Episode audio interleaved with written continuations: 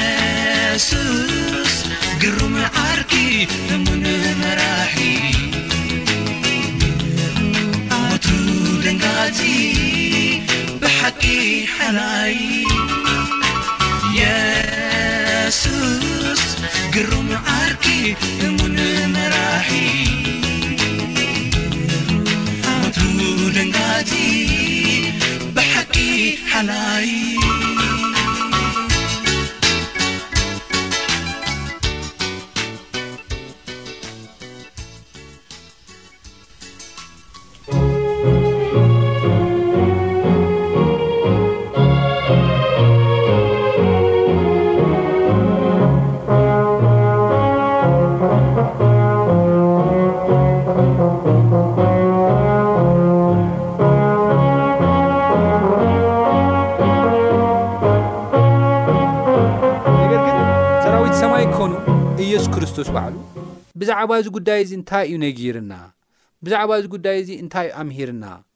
ክንብል ከለና መጀመርያ የሱስ ክርስቶስ ዝበሎ ንርእይ ደሓር ድማ ናብቶም መላእኽቲ ዝበሉና ሓሳባት ክንርኢ ኢና ኢንፋክት ኣብ ግብሪ ሃርያት እውን ኣብ ግሪክ እናተመላለሰ ብ ዝነበረሉ ግዜ ኣብ ኣቴና እናተመላለሰ ኣብ ዝነበረሉ ግዜ ኣብኡም ብዙሓት ኣማልኽቲ ርዩ ጳውሎስ ዝተዛረብዎ ነገር እውን ክንርኢና ሰለስትኦም ዝተዛረብዎ ነገር ክንርኢና መጀመርያ ግን የሱስ ክርስቶስ ዝተዛረቦ ስቲ ንርኢ ኣብ ማቴዎስ ምዕራፍ ኣርባዕተ፣ ሰይጣን እናፈተኖ ኣብ ዝነበረሉ ግዜ፣ ካብተን ሰለስተ ፈተነታት ፍግም ኢልካ እንተ ሰገድካለይ ዝብል እዩ ነይሩ። ፍግም ኢልካ እንተ ሰገድካለይሲ እዩ ዝብል እንታይ እዩ ነይሩ? እዚ ኹሉ ክህበካ እየ ዝብል እዩ ነይሩ ናይ ሰይጣን ፈተና። ነገር ግን ናይ የሱስ መልሲ እንታይ እዩ ነይሩ? ሽዑ የሱስ ንእግዚኣብሔር ኣምላኽካ ስገድ፣ ንእኡ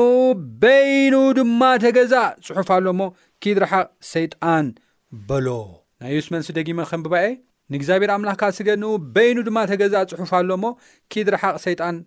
በሎ ይብለና። ስለዚ ንእግዚኣብሔር ኣምላኽ ጥራሕ ክንግዛእ ከም ዘለና፣ ንእግዚኣብሔር ኣምላኽ ጥራሕ ከነገልግል ከም ዘለና፣ ንእግዚኣብሔር ኣምላኽ ጥራሕ ከነምልኽ ከም ዘለና ዘርኢ እዩ ኣብዚ ሓሳብ እዚ ማለት እዩ። ኢንፋክት ናይ ኣህዛብ ኣማልኽቲ ይብል መጽሓፍ ቅዱስና ድሓር ከንብባ እየ ናይ ኣህዛብ ኣማልኽቲ ብምልኦምሲ መን እዮም ኣጋንንቲ'ዮም። ያው ብወርሒ ክምሰሉ ይኸእሉ፣ ብኸዋኽብቲ ክምሰሉ ይኽእሉ፣ ብሰራዊት ሰማይ ክምሰሉ ይኽእሉ፣ ግን ድሕሪኦም ዝምለኹ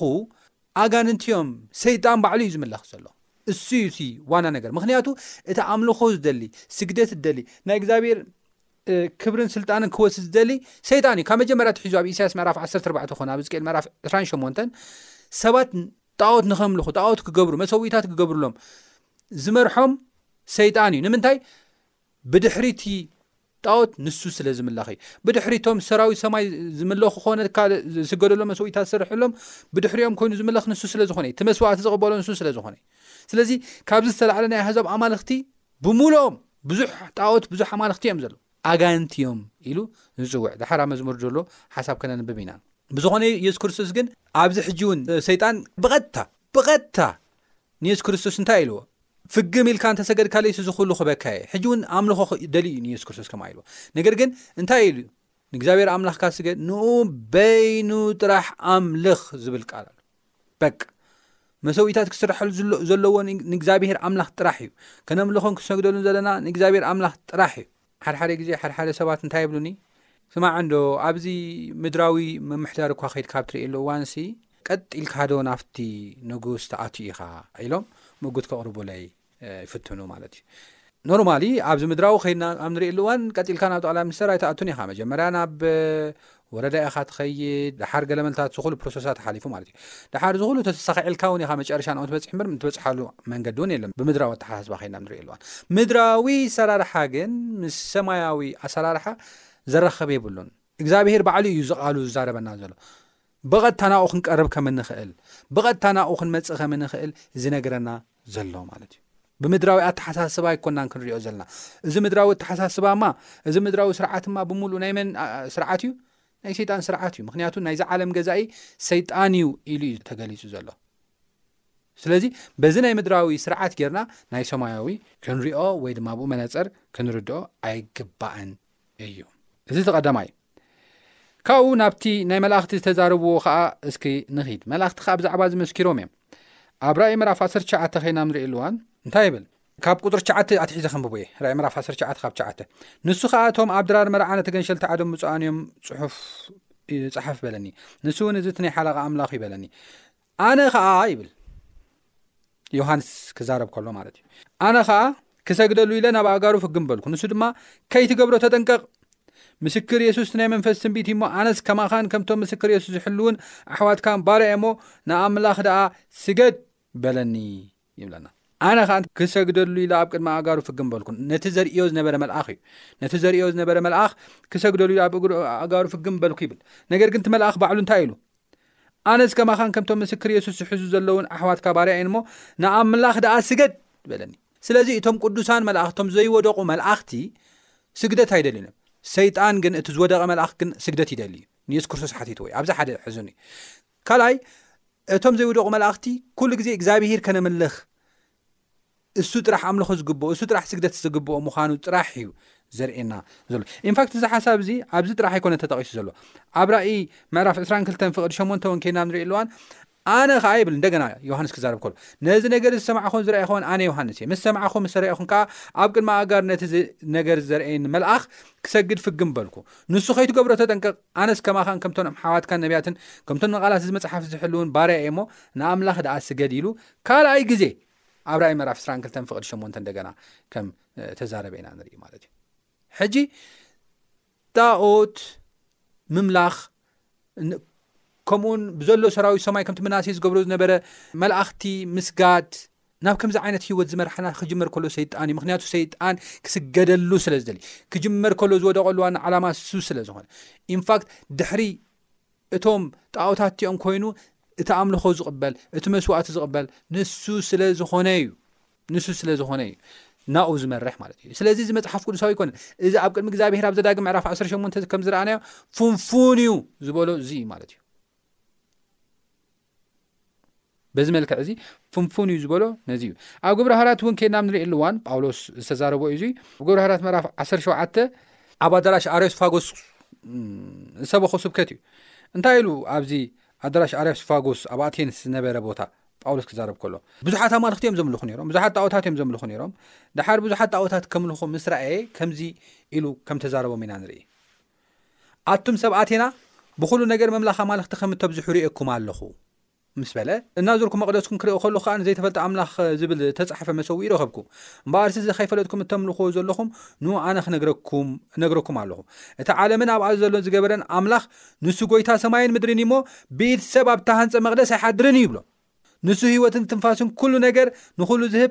ገለ እኳ ኸም ዝጨንቆ ኢድ ሰብ ዘየገልግሎ እዩ። ካብቶም ተቐነይትኹም ድማ ሓያሎ ንሕና ካብ ዓለት ኣምላኽ ኢና ኢሎም ከም ዘለዉ፣ ብእኡ ኢና እንነብርን እንዋሳውስን ብእኡ ኢና ኸኣ ዘሎና እሞ፣ ንሱ ኻብ ሓደ ሰብ ከኣብ ርእሲ ዅላ ምድሪ ኵላ ዓሌት ዝተፈጥረ። ንሱ ኻብ ነፍሲ ወከፍና ዘይረሓቐ ኽነሱስ ምናልባሽ ሃሰስ ኢሎም እንተ ረኸብዎ፣ ንኣምላኽ ምእንቲ ኺደልይዎን ንመንበሪኦም ውሱን ዘመናትን ውድብን ደረትን ሓገገሎም። እምበኣርከ ዓሌት ኣምላኽ ካብ ኰናስ፣ ኣምላኽ ነቲ ብናይ ሰብ ብልሓትን ሓሳብን እተገብረ ቅርጺ ወርቂ ወይ ብሩር ወይ እምኒ ኸም ዚመስል ክንሓስቦ ኣይግብኣናን እዩ። ክንገብሮ ዘይኰነስ ክንሓስቦውን ኣይግብኣናን ይብል። ኣምላኽ ነቲ ዘመን ደንቆርና ኣሕሊፉ በቲ ኻብ ሙታት ዝተንስኦ ብእኡ ንዅለት እምነት እናሃበ ዝመደቦ ሰብኣይ ወይ ድማ የሱስ ንዓለም ብጽድቂ ዝፈርደላ መዓልቲ ወሲኑ ስለ ዘሎ ሕጂ ኣብ ኵሉ ቦታ ንብዘሎ ሰብ ክንስሑ ይነግር ኣሎ ኢሉ ጣኦት ኣምልኾ ከወግዱ ከም ዘለዎም ናብቲ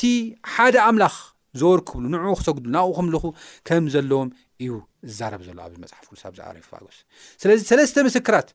ናይ የሱስ ባዕሉ ምስክር ኣሎ፣ ናይ መላእኽቲ ኣሎ፣ እንደገና ከዓ ጳውሎስ ዝነገረና ሰለስተ ምስክራት ክዛረብ ከሎ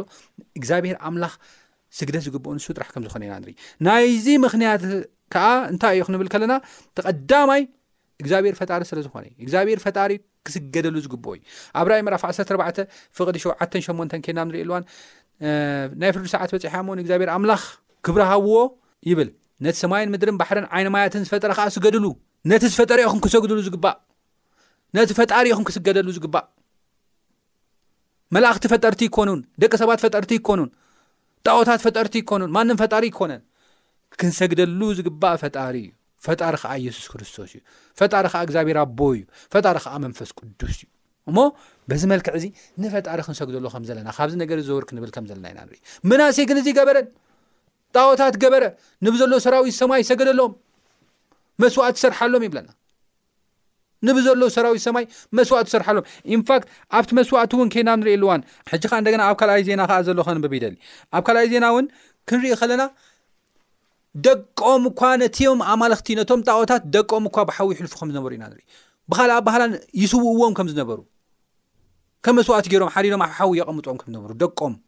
ንኣሽቱ ቆልዑት እዩ ዝዛረበና ማለት እዩ። ብጣዕሚ ዘግናኒ ዝኾነ ተግባር እዮም ዝፍጽሙ ነይሮም። እንታይ ይብል መስለኩም? ኣብ ካልኣይ ዜና ምዕራፍ 33 ንሱ ድማ ኣብ ወዲ ሄኖም ንደቁ ብሓዊ ኣሓለፎም ይብል። ንደቁ ንደቁ ንጣዖታት ኢሉ ኣብ ወዲ ሄኖም ንደቁ ብሓዊ ኣሕለፎም ይብለና ብሓዊ ኣሕለፎም ማለት እንታይ ማለት እዩ ንኣማልኽቱ ነቶም ዘምልኾም ጣዖታት ኢሉ ከም ዘሕረሮም መስዋእቲ ገይሩ እዩ ዛረበና ንጣዖታት ኢሉ ንሱ ጥራሕ ኣይኮነን ብዙሓት ቆልዑት እውን ብሓዊ ክሓልፉ ከም ዝገበረ ኢና ንርኢ ኢንፋክት ኣብዚ እቲ ወዲ ሄኖም ዝበሃል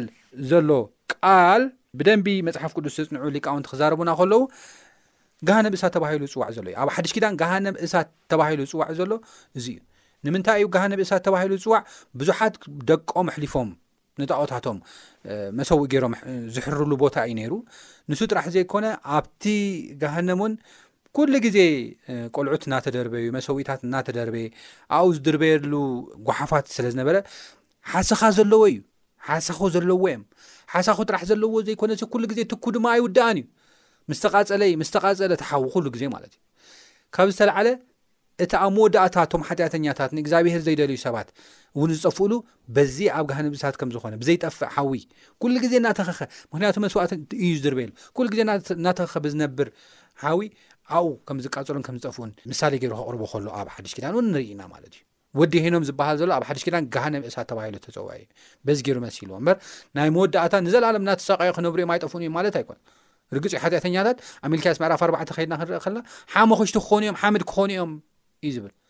ንዘለኣለም እናተቓጸለ ዝነብር የለን ሓሙኽሽቲ ክሳብ ዝኾን ክቃጸል እዩ ግን እቲ ዝቃጸልሉ ቦታ በዚ ወዲ ሄኖም ዝበሃል ዘሎ ቦታ ንጣኦታት መስዋእቲ ደቆም ዘቕርብሉ ዝነበሩ ደድሕሪኡ ድማ እተሰውኡ ድማ ናብኡ ዝድርበይሉ ዝነበሩ ቦታ ኩሉ ግዜ ሓሳኹ ዘለዎ ኩሉ ግዜ ትኩ ዘይጠፍእ ኩሉ ግዜ ሓዉ ዘይጠፍእ ምስ ተኣጉደ ዘለዎ ብኡ ዓይነት ተመሲሉ ከም ዝቐረበ እዩ ዝዛረበና ንእግረ መንገደይ እየ ዝህቦ ዘለኹ ማለት እዩ ስለዚ ንዕኦም መሰዊኢታት ጥራሕ ዘይኮነ ሰሪሕሎም እቶም ዝስውኡ ዝነበሩ እውን እንስሳታት ጥራሕ ዘይኮነስ ደቆም እውን ቆልዑት እውን ይስውኡ ከም ዝነበሩ ነቶም ጣዖታት ተባሂሉ ናይ ምሕራር መስዋእቲ ይቐርቡ ከም ዝነበረ ኢና ንርኢ ገንዘቦምን እኽሎምን ናውቶምን ከብቶምን ዘይኮነ ሲ በቲ መፅሓፍ ቅዱስ ዝነግረና ዘሎ ደቀም ን መስዋእቲ ኣሕሪሮም ክህቡ ከም ዝነበሩ እዩ መጽሓፍ ቅዱስ ዝዛረበና እግዚኣብሄር ግን እንታይ ኢሉ እግዚኣብሄር ግን ኣብ ዘለውያን መራፍ 18 ፍቕዲ 21 ኣብ ዘርእኻ ንሞሎኽ ብሓዊ ንምሕላፍ ኣይትሃብ ካብ ዘርእኻ ንሞሎኽ ብሓዊ ንምሕላፍ ኣይትሃብ ስም ኣምላኽካ ይተርክስ ኣነ እግዚኣብሄር ኣምላኽካ እዩ ሞሎኽ ዝበሃል ጣዖት እዩ ስለዚ ንሞሎኽ ኣሕሊፍካ ኣይትሃብ ደቅኻ ክብል ከሉ ኢና ንርኢ ማለት እዩ ስም እግዚኣብሔር ኣይተርክስ ኣነ እግዚኣብሔር ኣምላክካየ ክብል ከሎ ኢና ንርኢ ነገር ግን ምናሴ ንደቁ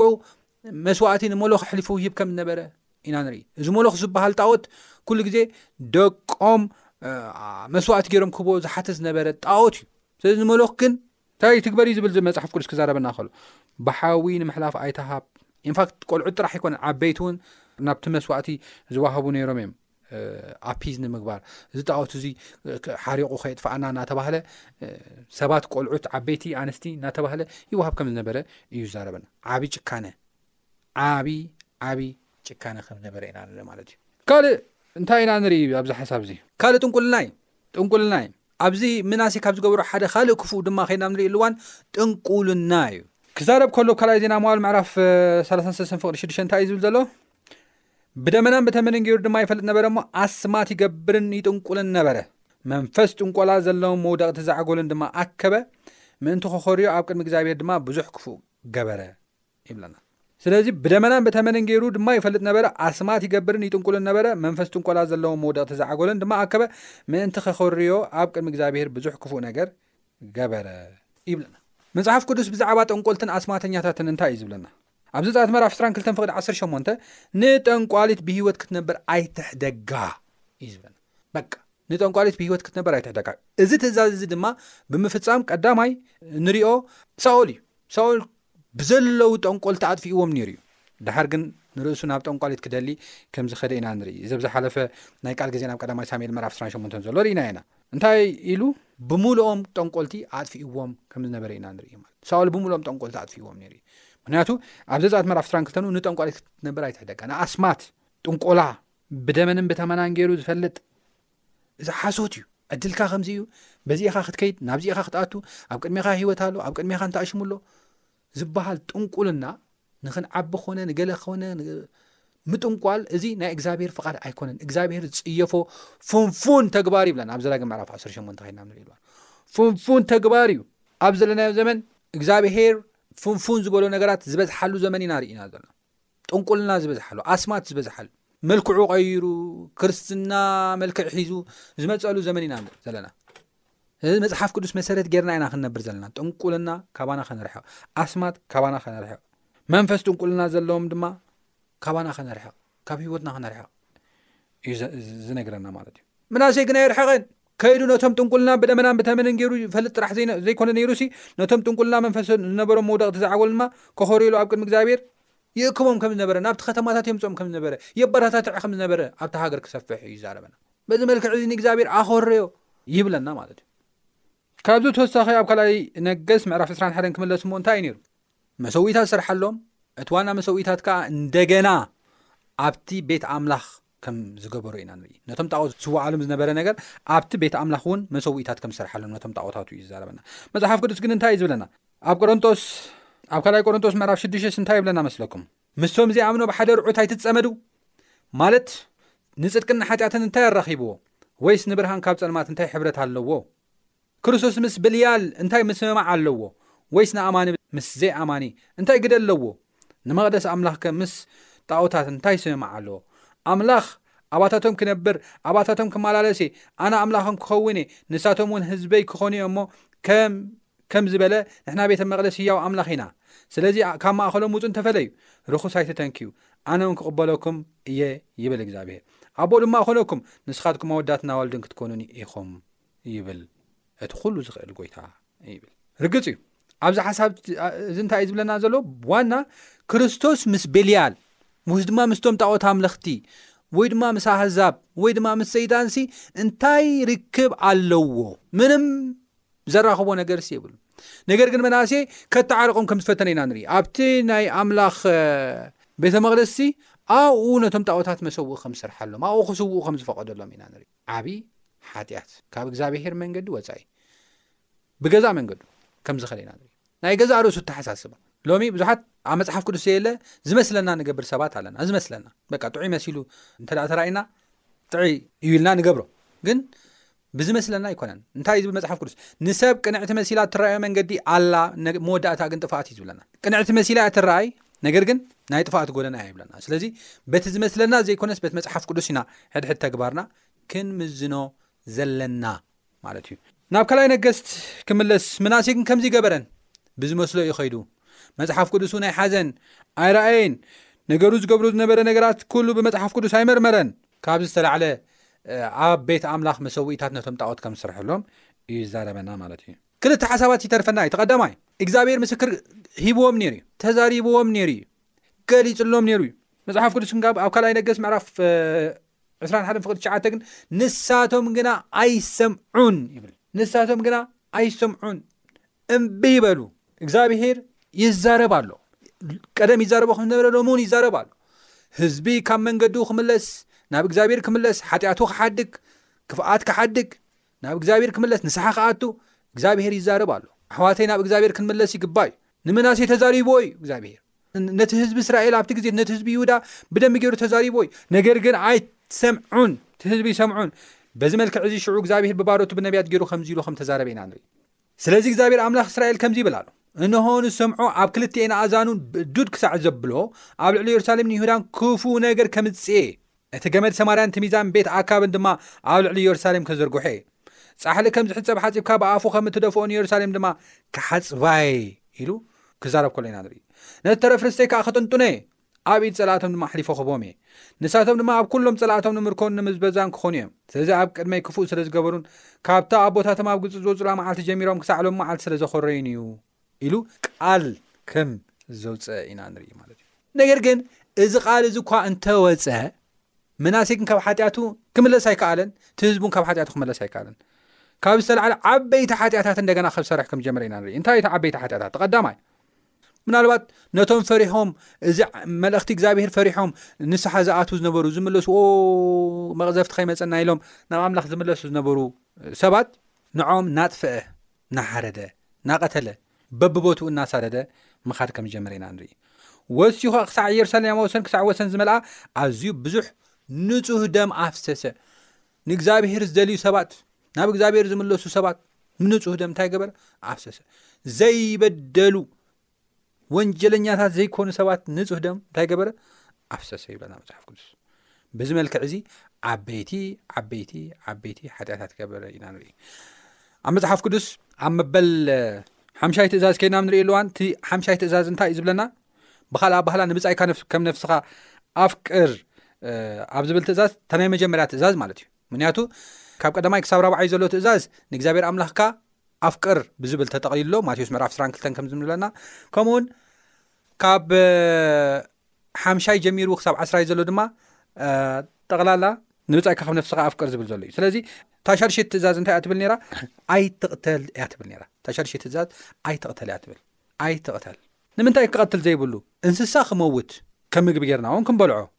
ሰብ ግን ክቕተል ዘይግብኦ ንምንታይ እዩ ክንብል ከለና መጽሓፍ ቅዱስ ኣብ ዘፍጥረት ምዕራፍ ትሽዓተ ፍቕዲ ሓሙሽተ ክሳብ ሽዱሽተ ዘሎ ሓሳብ ከንብበልኩም ክሳብ ሽዱሽተ ዘሎ ሓሳብ ከንብቦ ይደሊ ተቐዳማይ ቁፅሪ ሓደ ጀሚሩ እንታይ ይብል ኣምላኽ ንሆን ደቁም ባረኾም በሎም ድማ ፍረዩን ተባዚሑ ንምድሪ ከዓ ምልእዋ ኩሉ ኣራዊት መረሮን ኣዕዋፍ ሰማይን ብኣኻትኩም ይፍራህ ይሰንብድን ምስቲ ኣብ ምድሪ ዘሎ ለመም ዝብል ኩሉ ዓሳታት ባሕሪ ኩለን ኣብ ኢድኩም ተዋህበ ዝዋሳወ ዘበለ ዅሉ ህያው መብልዕኩም ይኹን። እዚ ዅሉ ከምቲ ልሙዕ ብቝሊ ሂበኩም ኣሎኹ። ግናኸ ስጋኽም ምስ ነፍሱ፣ እቲ ደሙ ኣይትብልዕዎ። እቲ ነፍሳትኩም ዘበለ ደምሲ ኣነ ክደልዮ እየ። ካብ ኢድ ኵሉ ኣራዊት ክደልዮ እየ፣ ነፍሲ ድማ ካብ ኢድ ሰብ፣ ካብ ኢድ ሓው ክደልያ እየ። ኣምላኽ ንሰብ ብመልክዑ ገይርዎ እዩ እሞ እቲ ደም ሰብ ዘፍስስ ደሙ ክፈስስ እዩ ይብለና ስለዚ ንሰብ ዘይነጥፍኣሉ ንሰብ ክንቀትል ዘይግብኣና ሓደን ዓብይን ምክንያት ሰብ ብመልክዕ ኣምላኽ ስለተፈጥረ እዩ ብመልክዕ ኣምላኽ ከም ምስሊ ኣምላኽ ስለተፈጥረ እዩ ሰብ ኢንፋክት ኣብዚ ናይ እንስሳ ንክበልዑ ንነኹን ንደቁን ንሰበይቱን መምርሒ ዝሃቦ ኩሉ ብቕሉታት ስለ ዝጠፈ እዩ ብማይኣሂ ምክንያት ኩሉ ስለ ዝጠፍኤ እዩ። ስለዚ ዝነበረ ኣማራፅታት ዝብልዑ ንፁሃት ተባሂሎም ዝብልዑ ዝፍለጡ ምግብታት ከም ምግቢ ርጉም ክጥቀሙሞ ብሂወት ክነብሩ ክሳብ ዝፈሪ ክሳብ ዝበቆል ግዜ ስለ ዝወስድ ንሱ ክበልዑ ከም ኣማራፂ ከም ዝሃቦም ኢና ንርኢ ንሰብ ግን ክቐትሉ ከም ዘይብሎም ነጊሮም ክቀታተሉ ከም ዘይብሎም ግን ነጊርዎም እዩ ምክንያቱ እግዚኣብሄር ንሰብ ብመልክዑ ፈጢርዎ እሞ እንታይ ትግብሩ ንሰብ ኣይትቕተል ኢሉ እግዚኣብሄር ከም ዝተዛረበ ኢና ንርኢ ነገር ግን ምናሴ ግን ንብዙሓት ንጹሃት ሰባት ከም ዝቐተለ ከም ዘጥፈአ እዩ መጽሓፍ ቅዱስ ዝዛረበና ስለዚ በዚ መልክዕ እዚ ኣህዛብ ካብ ዝገብርዎ ሓጢኣት ንላዕሊ እቶም ከነኣናውያን ዝገብሮ ዝነበሩ ኣሞራውያን ዝገብሮ ዝነበሩ ኣሞናውያን ዝገብሮ ዝነበሩ ሓጢኣት ካብኦም ንላዕሊ ዛየደ ሓጢኣት ከም ዝገበረ ኢና ንርኢ እግዚኣብሄር ድማ ንሓጢኣት ዝጸልእን ዝፍንፍንን ኣምላኽ እዩ። ኣብ ቅድሚ እግዚኣብሄር ሓጢኣት ፍንፉን እዩ፣ ዝተጸልአ እዩ። ስለዚ ካብ ሓጢኣት ምግባር ክንርሕቕ ክንቁጠብ ከም ዘለና እዩ ዘምህረና። ስለዚ ካብ ምናሴ ህይወት ንመሃር። ናይ ምናሴ ናይ መወዳእታ ህይወት እንታይ ኮነ? ብዝብል ኣብ ቀጻሊ ሓሳብ ሒዘልኩም ክቐርብ እየ። ክሳብ ዝቕጽል ሰላም ኩኑ።